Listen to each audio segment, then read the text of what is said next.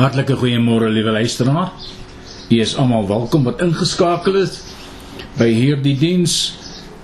En ek glo soos ons elke dag tegemoet gaan, gaan hierdie ook 'n besonderse dag wees. Nie omdat u vanoggend na hierdie boodskap luister nie, maar dit is 'n dag wat die Here gemaak het. En die skrif sê vir ons baie mooi wanneer die psalmdigter sê dit is 'n dag wat die Here gemaak het, kom dat ons daarin bly wees, jubel en juig. Voordat ons verder gaan met vanmôre se boodskap, kom ons verenig net in gebed. Hemelvader, ons is vanmôre rondom u woord. En Vader, baie dankie dat ons in hierdie oggend u naam kan grootmaak kan eer, kan aanbid, kan loof en prys omdat U vir ons so goed is. Dag vir dag is U ons voorsiener. Uur na uur is U ons bewaker, die bewaker van die mens. En minuut na minuut is U ons beskermer. En Here, ons wil U naam net groot maak omdat U vir ons so lofwaardig en ver verhewe is. Here die psalmdigter roep uit: "Wat is die mens dat U aan hom sal dink? U het hom slegs in 'n mindere mate as die engele geskape. En tog het U hom bekroon met heerlikheid." En Here, daarom wil ons in hierdie môre sê, Here, ons het niks om op te roem nie behalwe in die kruisdood van ons Here Jesus Christus in wie se naam ons na u toe kom in hierdie môre. En Vader, daarom wil ons bid. Here, daar is soveel moord en doodslag rondom ons. Daar is oorloë op verskeie dele van hierdie wêreld en Here, daar is opstande. En as ons rondom ons kyk, dan sien ons dinge is nie te rooskleurig nie, maar Here, Dit gee vir ons meer moed, meer geloof om op U te vertrou, want ons weet Here, U is ons beskermer. U is ook ons voorsiener. En Vader, daarom kom ons in hierdie môre en ons bid en ons vra Here dat U ons wat bymekaar is om hierdie boodskap na te luister en Here, hulle wat dit sal aftrek vanaf die internet Here wil ons ook voorbid in hierdie môre en vra Here dat U ook met hulle sal wees. Dankie o Heilige Gees dat ons op U kan vertrou dat U ook vir my as die prediker verder sal lei en dat U goddelike doel met hierdie diens bereik sal word. Vader, nie omdat ek dit bring nie, maar Here omdat dit U woord is en U woord is die waarheid. Baie dankie Here dat ek dan vanmôre kan vra dat U vir ons sal deurdra en vir ons sal help en dat U genade met ons sal wees. Ons dank U vir alles en ons bid dit in Jesus se naam. Amen. Liewe luisteraar, soos ek reeds met verlede Sondag aand se diens aangekondig het, is hier 'n reeks van 'n paar boodskappe wat ek met u gaan behandel oor en rondom vergifnis. Nou verlede Sondag aand het ons basies weggetrek met die gedeelte van die Here hoekom kan ek nie vergewe nie boodskap. En vanoggend wil ek met u praat oor 'n volgende vraag: Here, waarom sal ek tog nie vergewe nie? En ek wil weer eens die skrifgedeelte aanhaal wat ek in die begin aangehaal het. Matteus 6 vers 14 en 15 en dit lees as volg. Want en dit is die Here Jesus wat hier aan die woord is. Want as julle die mense hulle oortredinge vergewe, sal julle hemelse Vader julle ook vergewe. Maar as julle die mense hulle oortredinge nie vergewe nie, sal julle Vader julle oortredinge ook nie vergewe nie. U sien baie keer kom dit in Christelike kringe wanneer ons besig is met vergifnisdiens en glo my dit is goed dat 'n predikant by uitstek so of soos wat die Here hom lei sekere sondae sal uitsonder as 'n vergifnisdiens. Maar dan kry ons mense wat juis in daardie dienste is, maar dan lewer hulle maar net lippediens. Aan die idee van vergifnis sonder om eerlik om te gaan met sommige van die besware wat mense opper. En ons moet dit erken in hierdie oggend. Ons is geneig om net een kant van die storie te vertel en die voordele van vergifnis te verheerlik sonder om te noem hoe moeilik dit soms kan wees om werklik diegene te vergewe wat ons verontreg het. Is dit nie waar nie vanmôre nie? Ja, ek kan my voorstel dat daar is baie koppe wat nou knik en sê ja, dit is so, prediker, dit is so. Het jy al ooit 'n preek gehoor wat 'n sterk saak ten gunste van vergifnis uitgemaak het? Of het jy al ooit gehoor van 'n geestelike raadgewer wat 'n slagoffer berading gee deur te sê wat met jou gebeur het is so aklig aklig skus dat jy 'n dwaas sal wees om te vergewe dit is in orde om aan daardie gevoelens van bitterheid en seer te bly vir 'n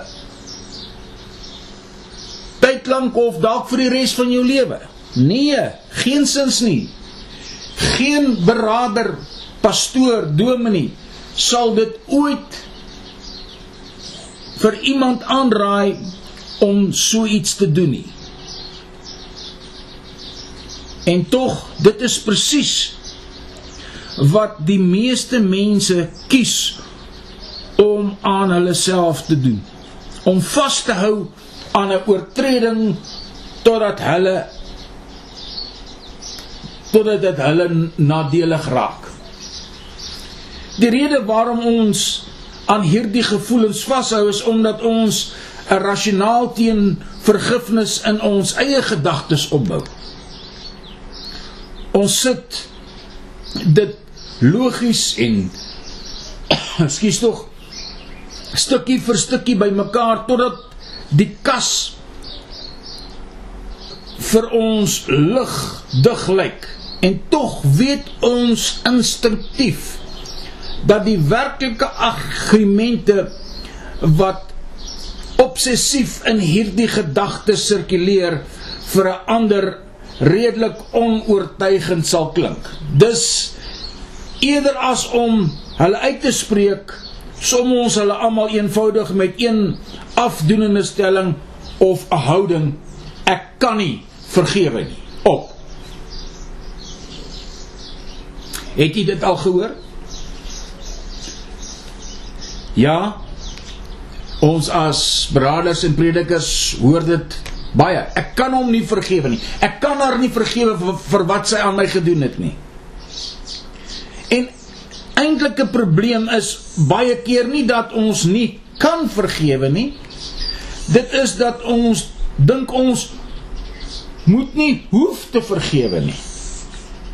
As ons immers die slagoffer is, hoekom moet ons iets doen wat vir ons ongemaklik is? Hoekom moet ons die oortreder hoekom moet die oortreder ons die oortreder toegelaat word om skottervry daarvan af te kom? Kom ons stel vandag vergifnis self op verhoor en ons weeg die bewyse daarvoor en daarteen. Is daar wettige redes waar waarom ek nie moet vergewe nie? Is daar tye wanneer dit die regte opsie is om die oortreder uit nie uit hierdie uit, uit hierdie hak te laat gaan nie? En is ek geregverdig om te voel soos ek voel? Ek het so 'n klompie redes bymekaar gesit waarom ek nie moet vergewe nie. Kom ons kyk gou vir 'n oomblik daarna.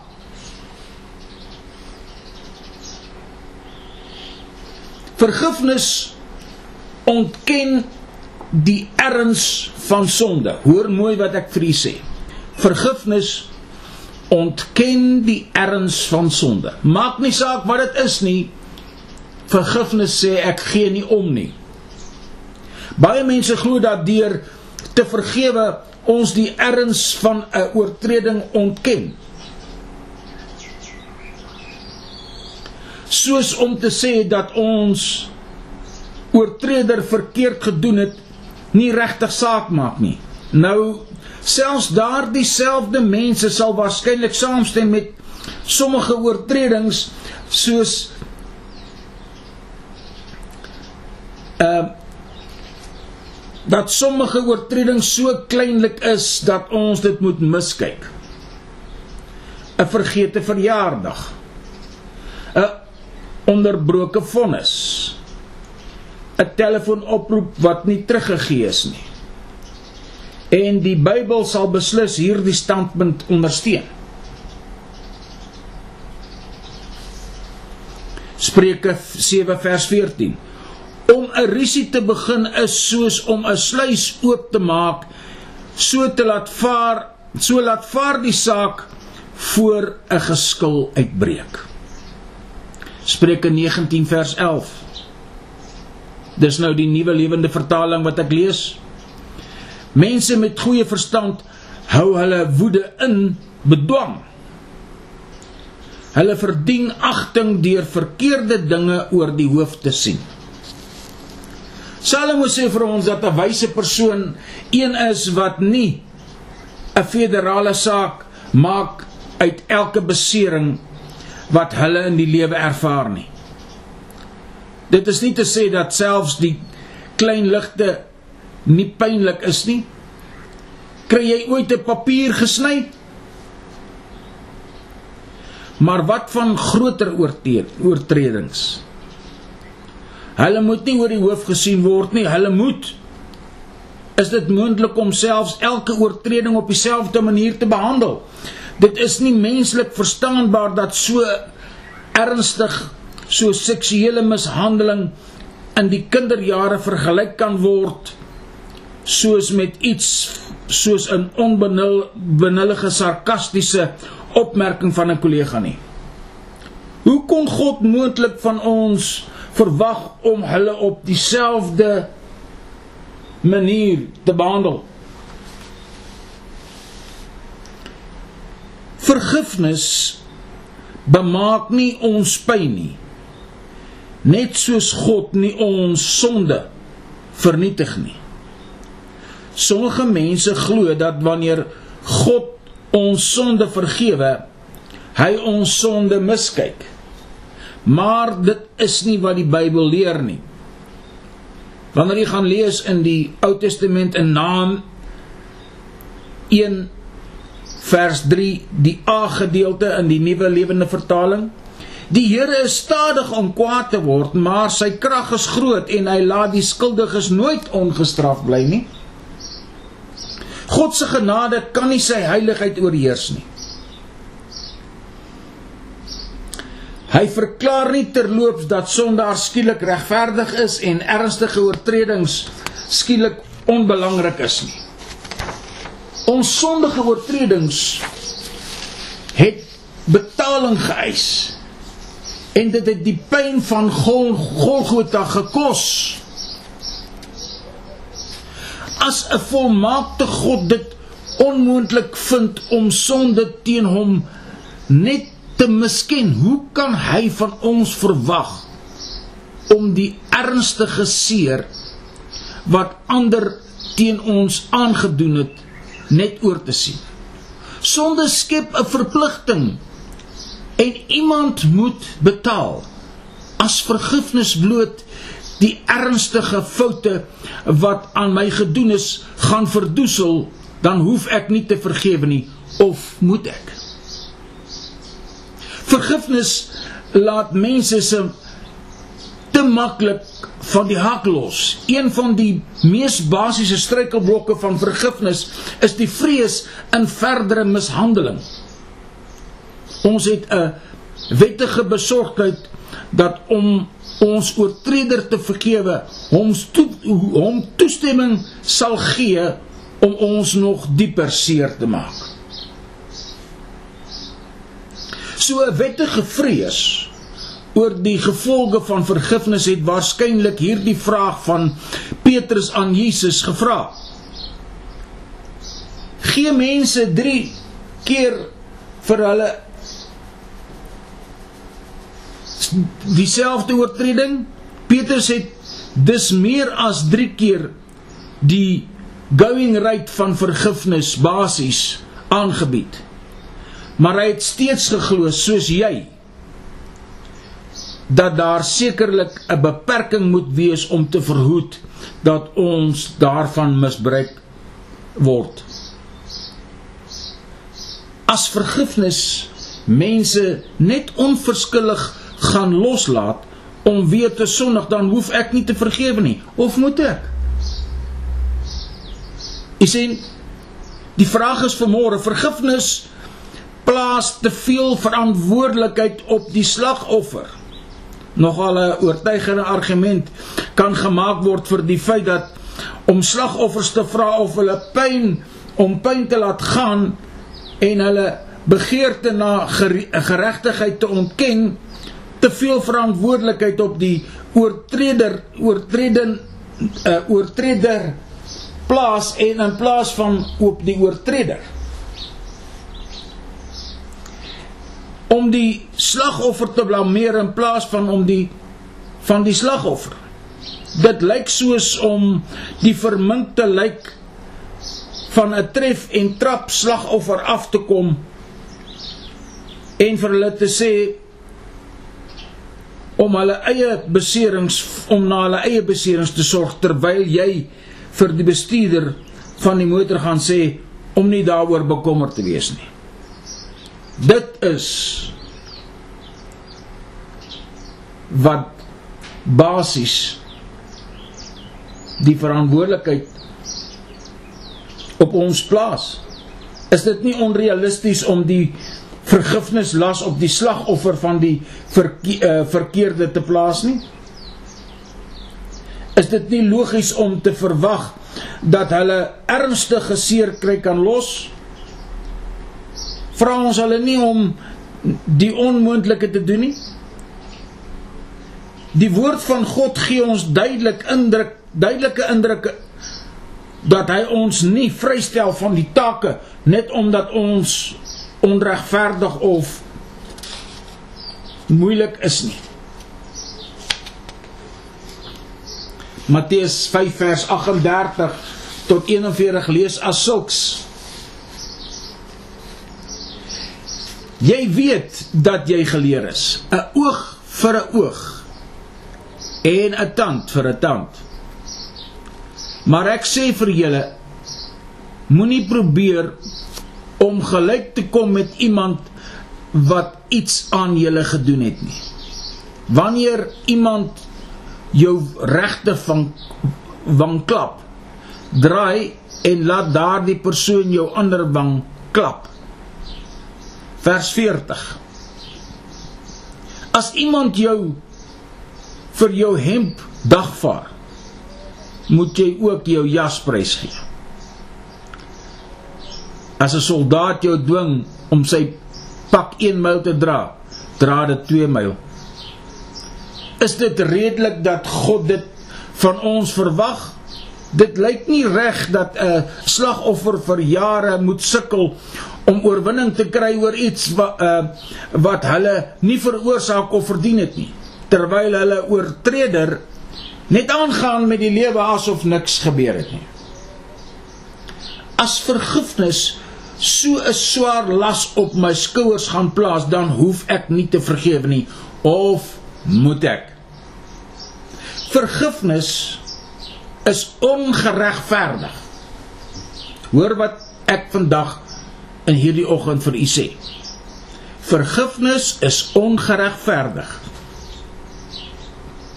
Geleidelik terwyl ons hierdie wettige besware teen vergifnis oorweeg het, het ons onopsetlik die bottom line argument ontbloot waarop alle ander besware teen vergifnis gebaseer is. Het jy opgemerk dat dit in die agtergrond skuil? Weggesteek agter die woorde wat vroeër gesê is. En dit is vergifnis is onreglik. Almal van ons is na die beeld van God geskape. En ongeag hoe erg daardie beeld deur sonde geskend is, behou ons steeds 'n gevoel van ingebore regverdigheid. Wanneer ons sien dat 'n onreg gepleeg word, weet ons instinktief instinktief dat dit ongeregverdig is dat daardie verkeerde ongestraf bly. Is daar nie iets fundamenteel onregverdig daarin om ons oor vrede ons oortreder vry te laat of te laat gaan sonder enige gevolge nie? En as vergifnis in ons wese onregverdig is, dan hoef ek nie te vergewe nie of moet ek? Die def, die definisie van vergifnis. Jy weet wanneer ons kyk na hierdie definisie dan sal ons agterkom al hierdie rasionele besware spruit voort uit 'n basiese wanbegrip van die konsep van vergifnis. Voordat ons die woord Bybels definieer, laat ons sê wat vergifnis nie is nie. O. Dit ontken nie die realiteit van jou pyn nie. Met ander woorde, vergifnis is nie dit nie. Dit laat jou oortreder nie van die hak af nie. Dit blameer jou nie die slagoffer nie. Dit is nie ongeregverdig nie. God kan niks onregverdig doen nie.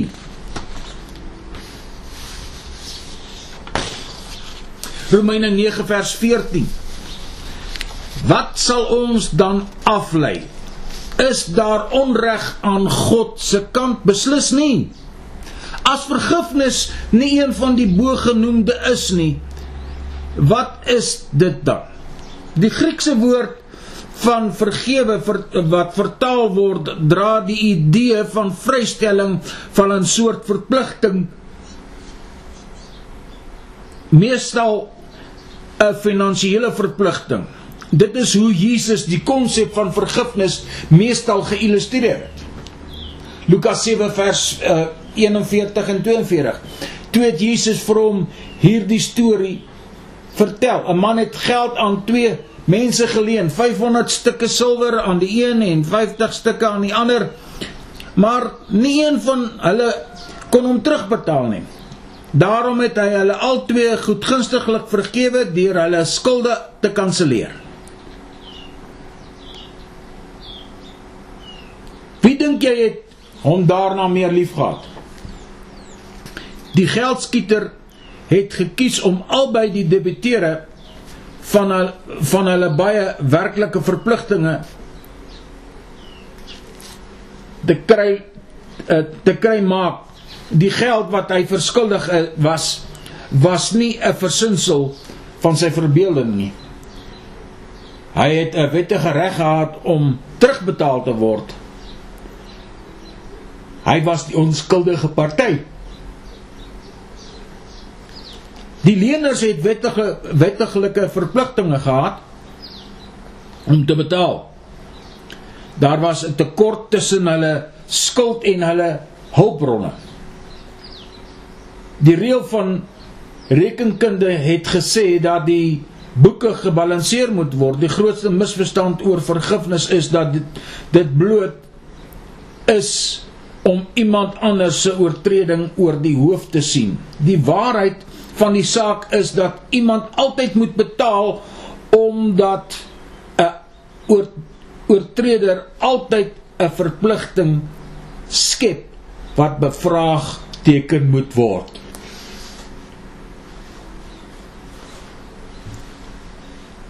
Kom ons kyk na hierdie illustrasie. Iemand sit jou motor agter by 'n stoplight en as jy uitklim, kyk jy een keer en jy weet dit gaan groot geld kos om die skade te herstel. Jy staan daar en roem toe 'n ou dametjie uit 'n ander kar uitklim en begin huil. Tussen snikke deur vertel sy jou dat sy 'n afgetrede sendeling is wat beperkte hulpbronne het en geen versekerings het nie. Jy sê vir haar om dit te vergeet dat jy dat jy jou kar se skade sal laat regmaak. Die volgende dag wanneer jy die motor na die werktuigkundige neem, gee hy vir jou 'n 'n 'n 'n skatting van 20000 rand. Wie gaan vir dit betaal?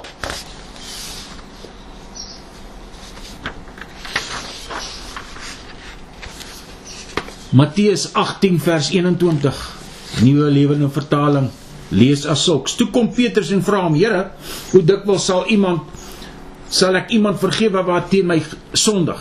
7 keer voordat jy te hard op Petrus neerkom omdat hy nie weet dat daar geen beperking op vergifnis is nie. Vra jouself af. Hoeveel keer is ek bereid om 'n persoon te vergewe omdat hy dieselfde ernstige oortreding teen my begaan het?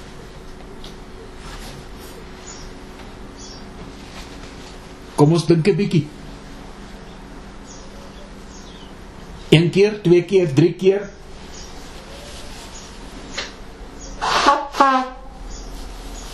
Verskoon tog. Nee. Skielik lyk ou Petrus nogal vrygewig. Een gewilde rabbi in Petrus se dag het geleer dat jy vir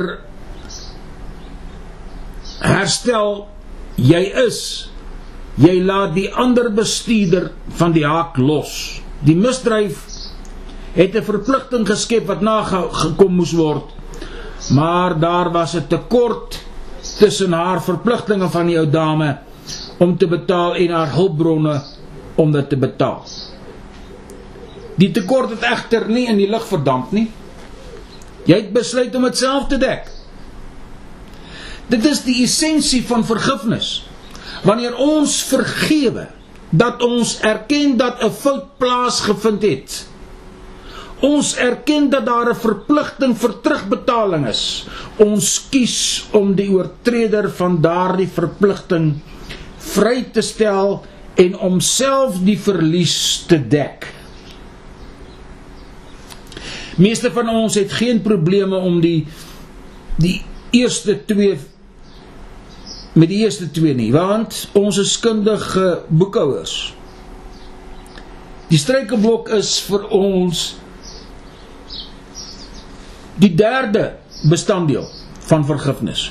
Hoekom moet ek self die gevolge ly as daar baie redes is waarom ek nie die oortreder moet vergewe nie?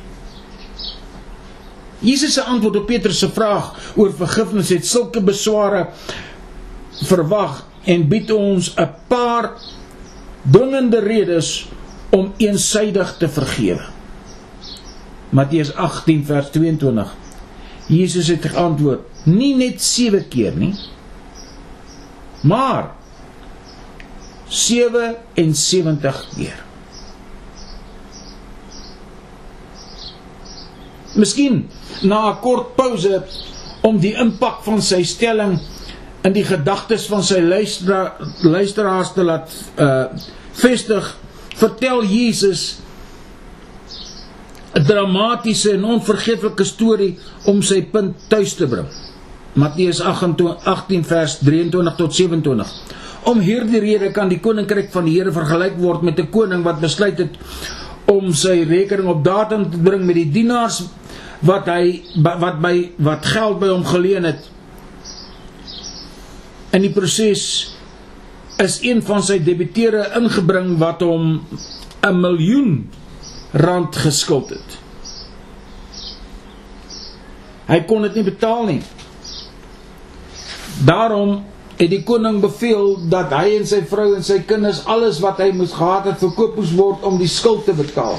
Maar die man het voor die koning neergeval en, en hom gesmeek: "Ag my heer, wees net geduldig met my en ek sal u alles betaal." Net toe het die koning jammer gevoel vir hom en hy het hom vrygelaat en sy skuld is kwyt geskeld. Hoewel die bediende absoluut geen manier het om selfs die kleinste duik in so 'n groot skuld te kon maak nie, smeek hy net vir 'n bietjie meer tyd om te gaan probeer. Wat 'n jammerlike gesig om hom voor die koning te sien kriebel. En wat 'n pragtige ding het die koning tog nie gedoen nie. Want hy het medelee met die man gehad. Dit is 'n perfekte illustrasie van onvoorwaardelike vergifnis. Die dienaar het 'n baie werklike skuld aan die koning verskuldig. Die koning het alle reg gehad om terugbetaling van sy skuld te verwag. Maar die koning het die diensknegt vrywilliglik van sy verpligting vrygestel en hy het self die verlies gedek. Ons het gepraat oor 'n paar logiese redes waarom ek nie moet vergewe nie. Nou dat ek beter verstaan wat vergifnis is, is daar 'n ewe sterk rede waarom ek 'n keuse moet maak om die inisiatief te neem om my oortreder vry te maak. En so ook myself. In dieselfde asem gesê.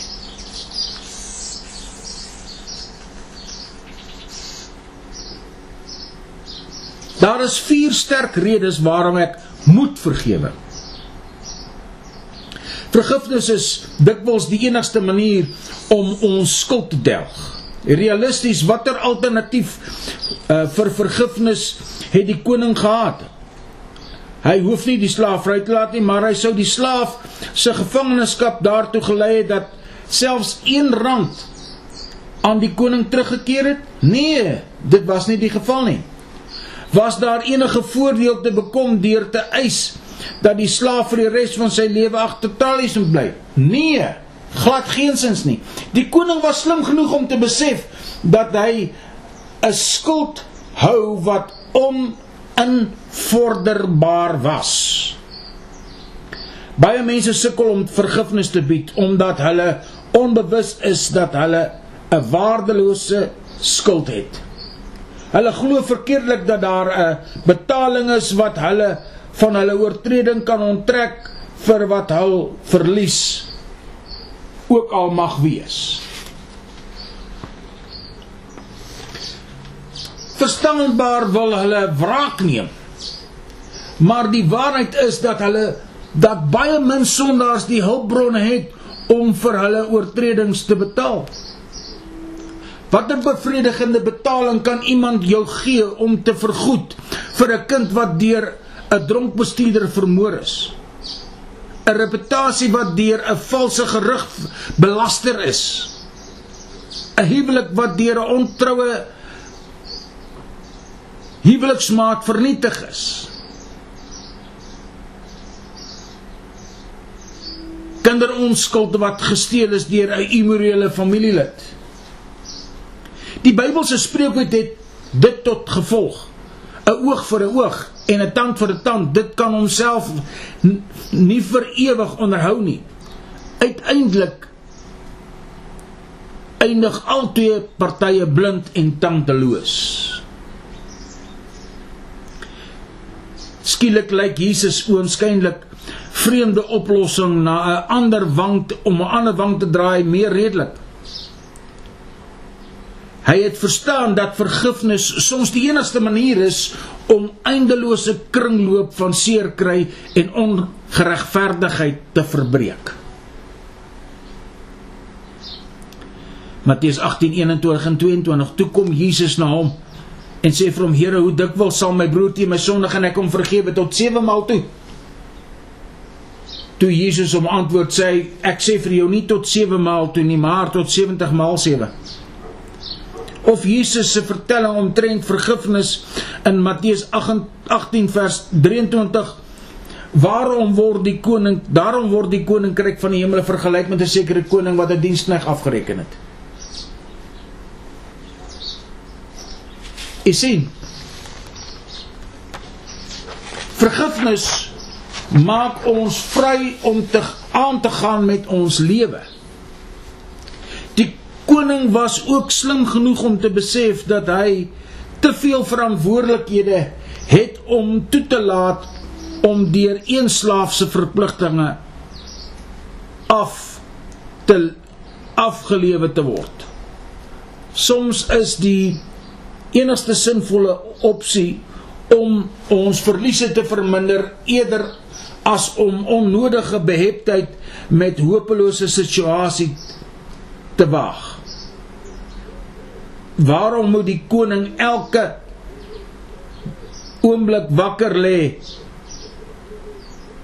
net om te hoor wat die boekhouer sou sê wanneer die res van sy koninkrykspligtiges wat vir sy met hom te betaal tog wel betaal het.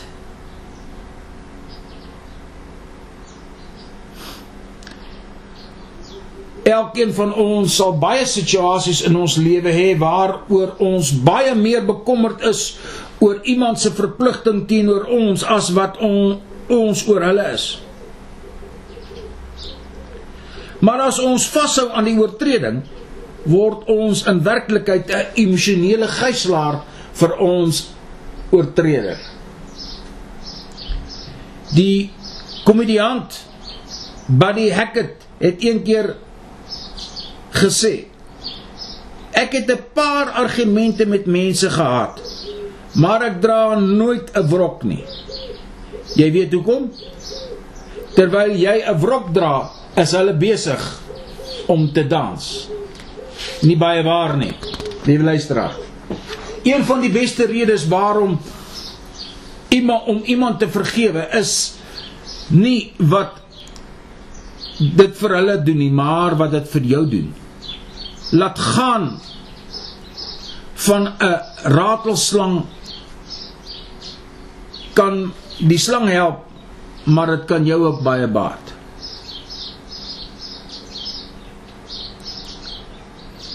Kom ons stroop elke gewig van ons wat ons vertraag vir al die sonde wat so maklik ons vordering belemmer af en ons laat ons met volharding die wedloop hardloop wat God vir ons voorgelê het. Hebreërs 12 vers 1 Vergifnis is 'n teenmiddel vir onnodige lyding.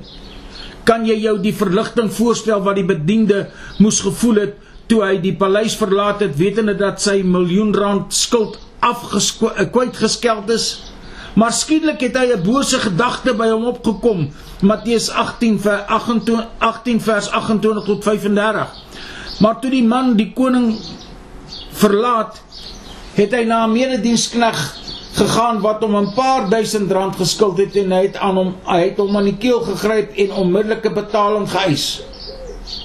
Die dienskneg die mededienskneg het vir hom het voor hom neergeval en gesê wees tog 'n bietjie genadig met my en wees geduldig en ek sal jou dit betaal het hy gepleit. Maar sy skuldeiser wou nie wag nie en hy het die man laat arresteer en tronk toe gestuur totdat hy totdat die volle skuld betaal sou word. En som toe sommige van die ander dienaars het sien was hulle baie ontsteld en hulle die koning na die koning gegaan en hom vertel wat gebeur het. Toe roep die koning wat die man vergewe het in en sê hom jou slegte dienskneg ek het jou daardie geweldige skuld kwytgeseld kon omdat jy by my gepleit het.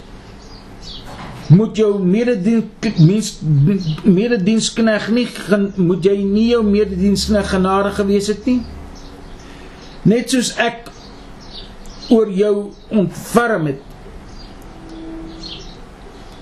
toe stuur die woedende koning die man tronk toe totdat hy elke sent betaal het.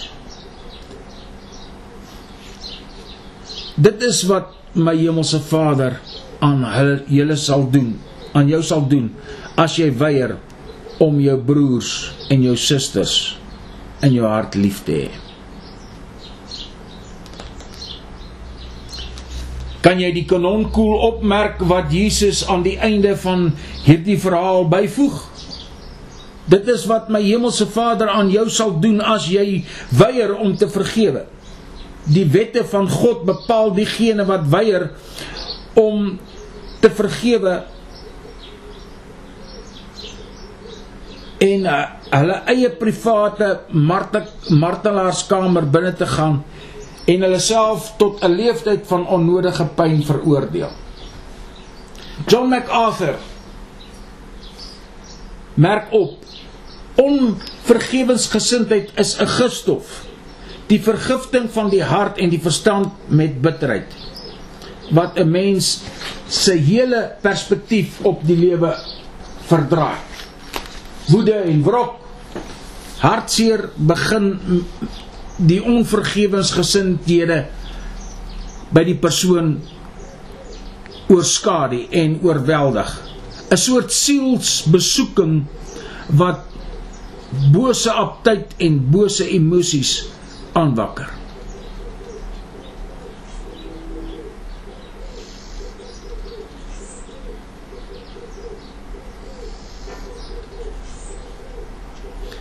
Die Bybelse term vir vir onvergifnis is bitterheid.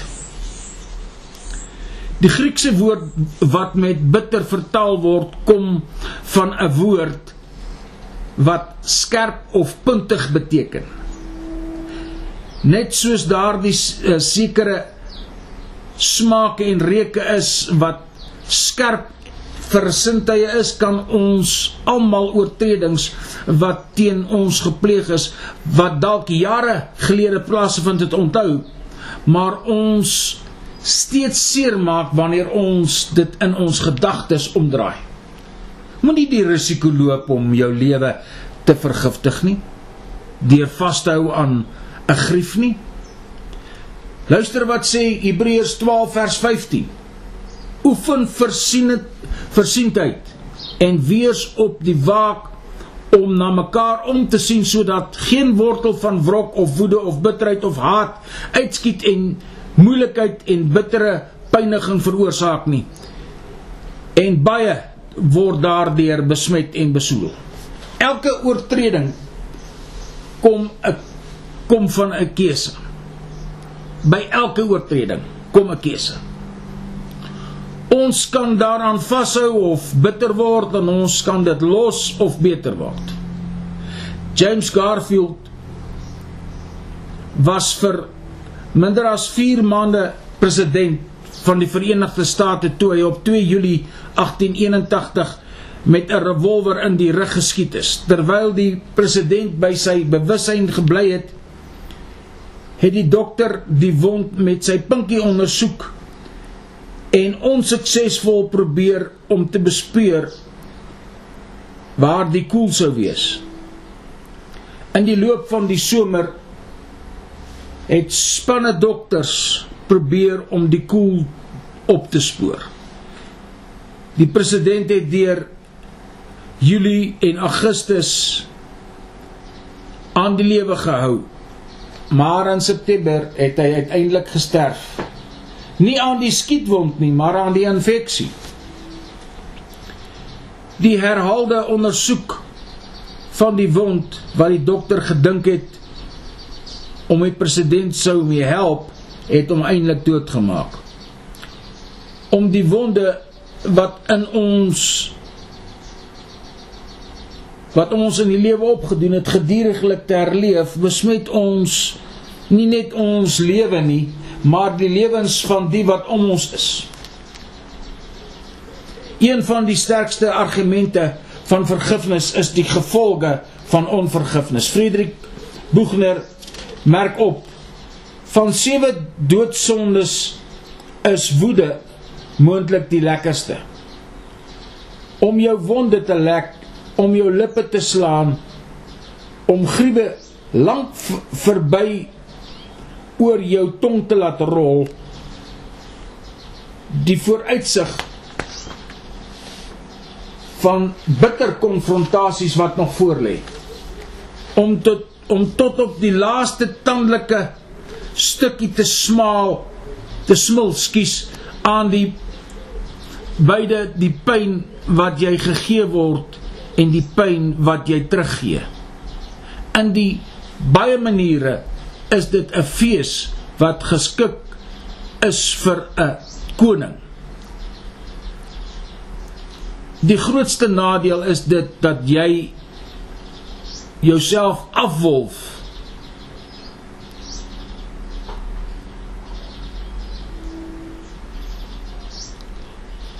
want u sien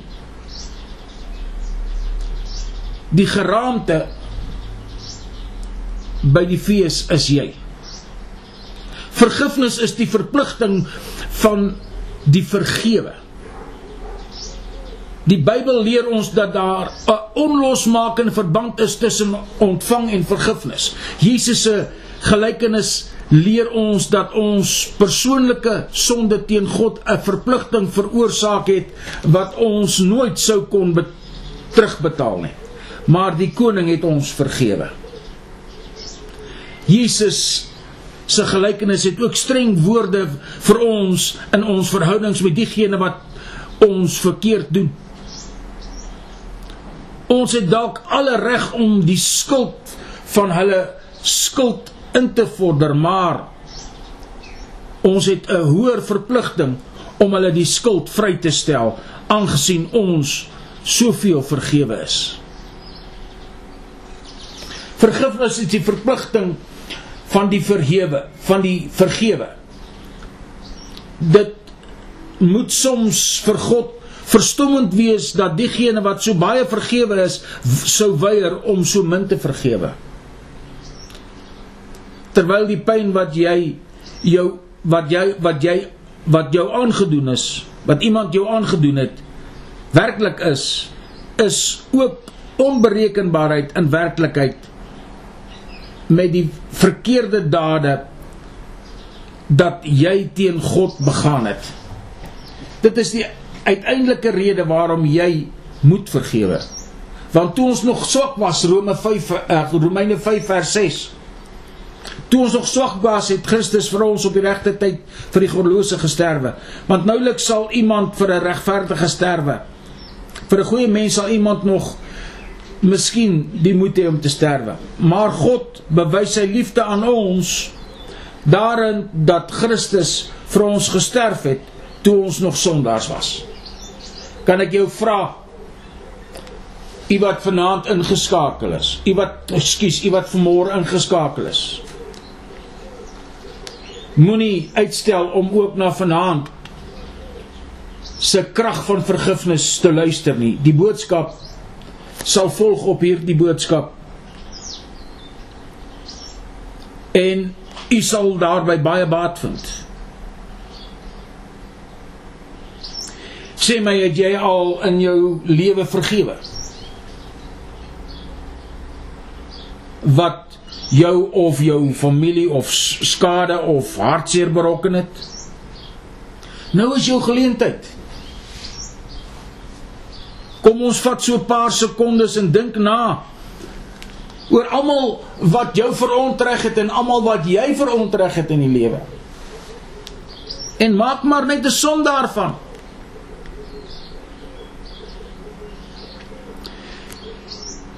En dan moet ek nou vanmôre vir jou sê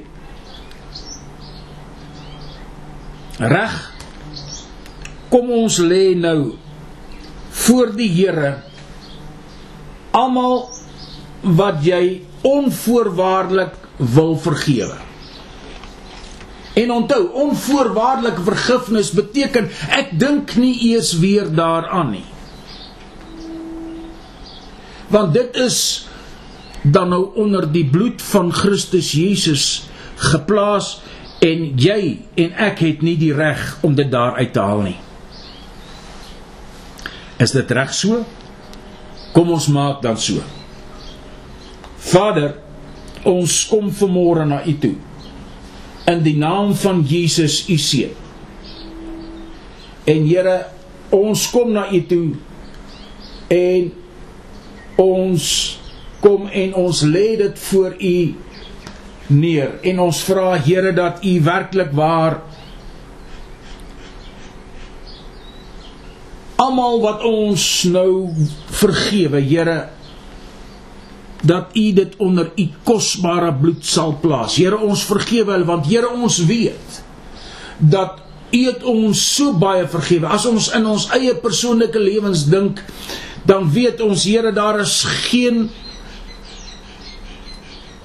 goed in ons gewees nie, maar Here u het ons vergifnis gegee daar aan die kruishout van Golgotha en Here daarom kan ons in hierdie môre vir u sê Here ons wil ook graag vergewe. En daarom sal ons vergewe, Here, sodat ons kan vrykom van hierdie las wat ons omring. Baie dankie Here Jesus dat ons weet ons het vergewe en daarom sê u woord sal u ons ook vergewe, Here, as ons hulle vergewe wat teen ons verkeerd opgetree het. Here wil U ons help in hierdie môre, wil U ons deurdra in hierdie dag. Here sodat ons vanaand sal terugkeer en weer kom luister na U woord. Here na die volgende boodskap rondom vergifnis, die krag van vergifnis. Ons dank U daarvoor Vader. Baie baie dankie dat ons weet ons is nou vergewe en Here ons stel elkeen vry in Jesus naam. Amen. Liewe luisteraar, indien u met my wil skakel om een of ander link te kry van my uh potgoeie kan u my skakel op my WhatsApp by +27 76 840 1328 of u kan van my e-pos fasiliteit gebruik maak dr.af.weyers55@gmail.com Die Here seën u en gaan met u in hierdie oggend en ons kyk uit vir mekaar vanaand. Amen.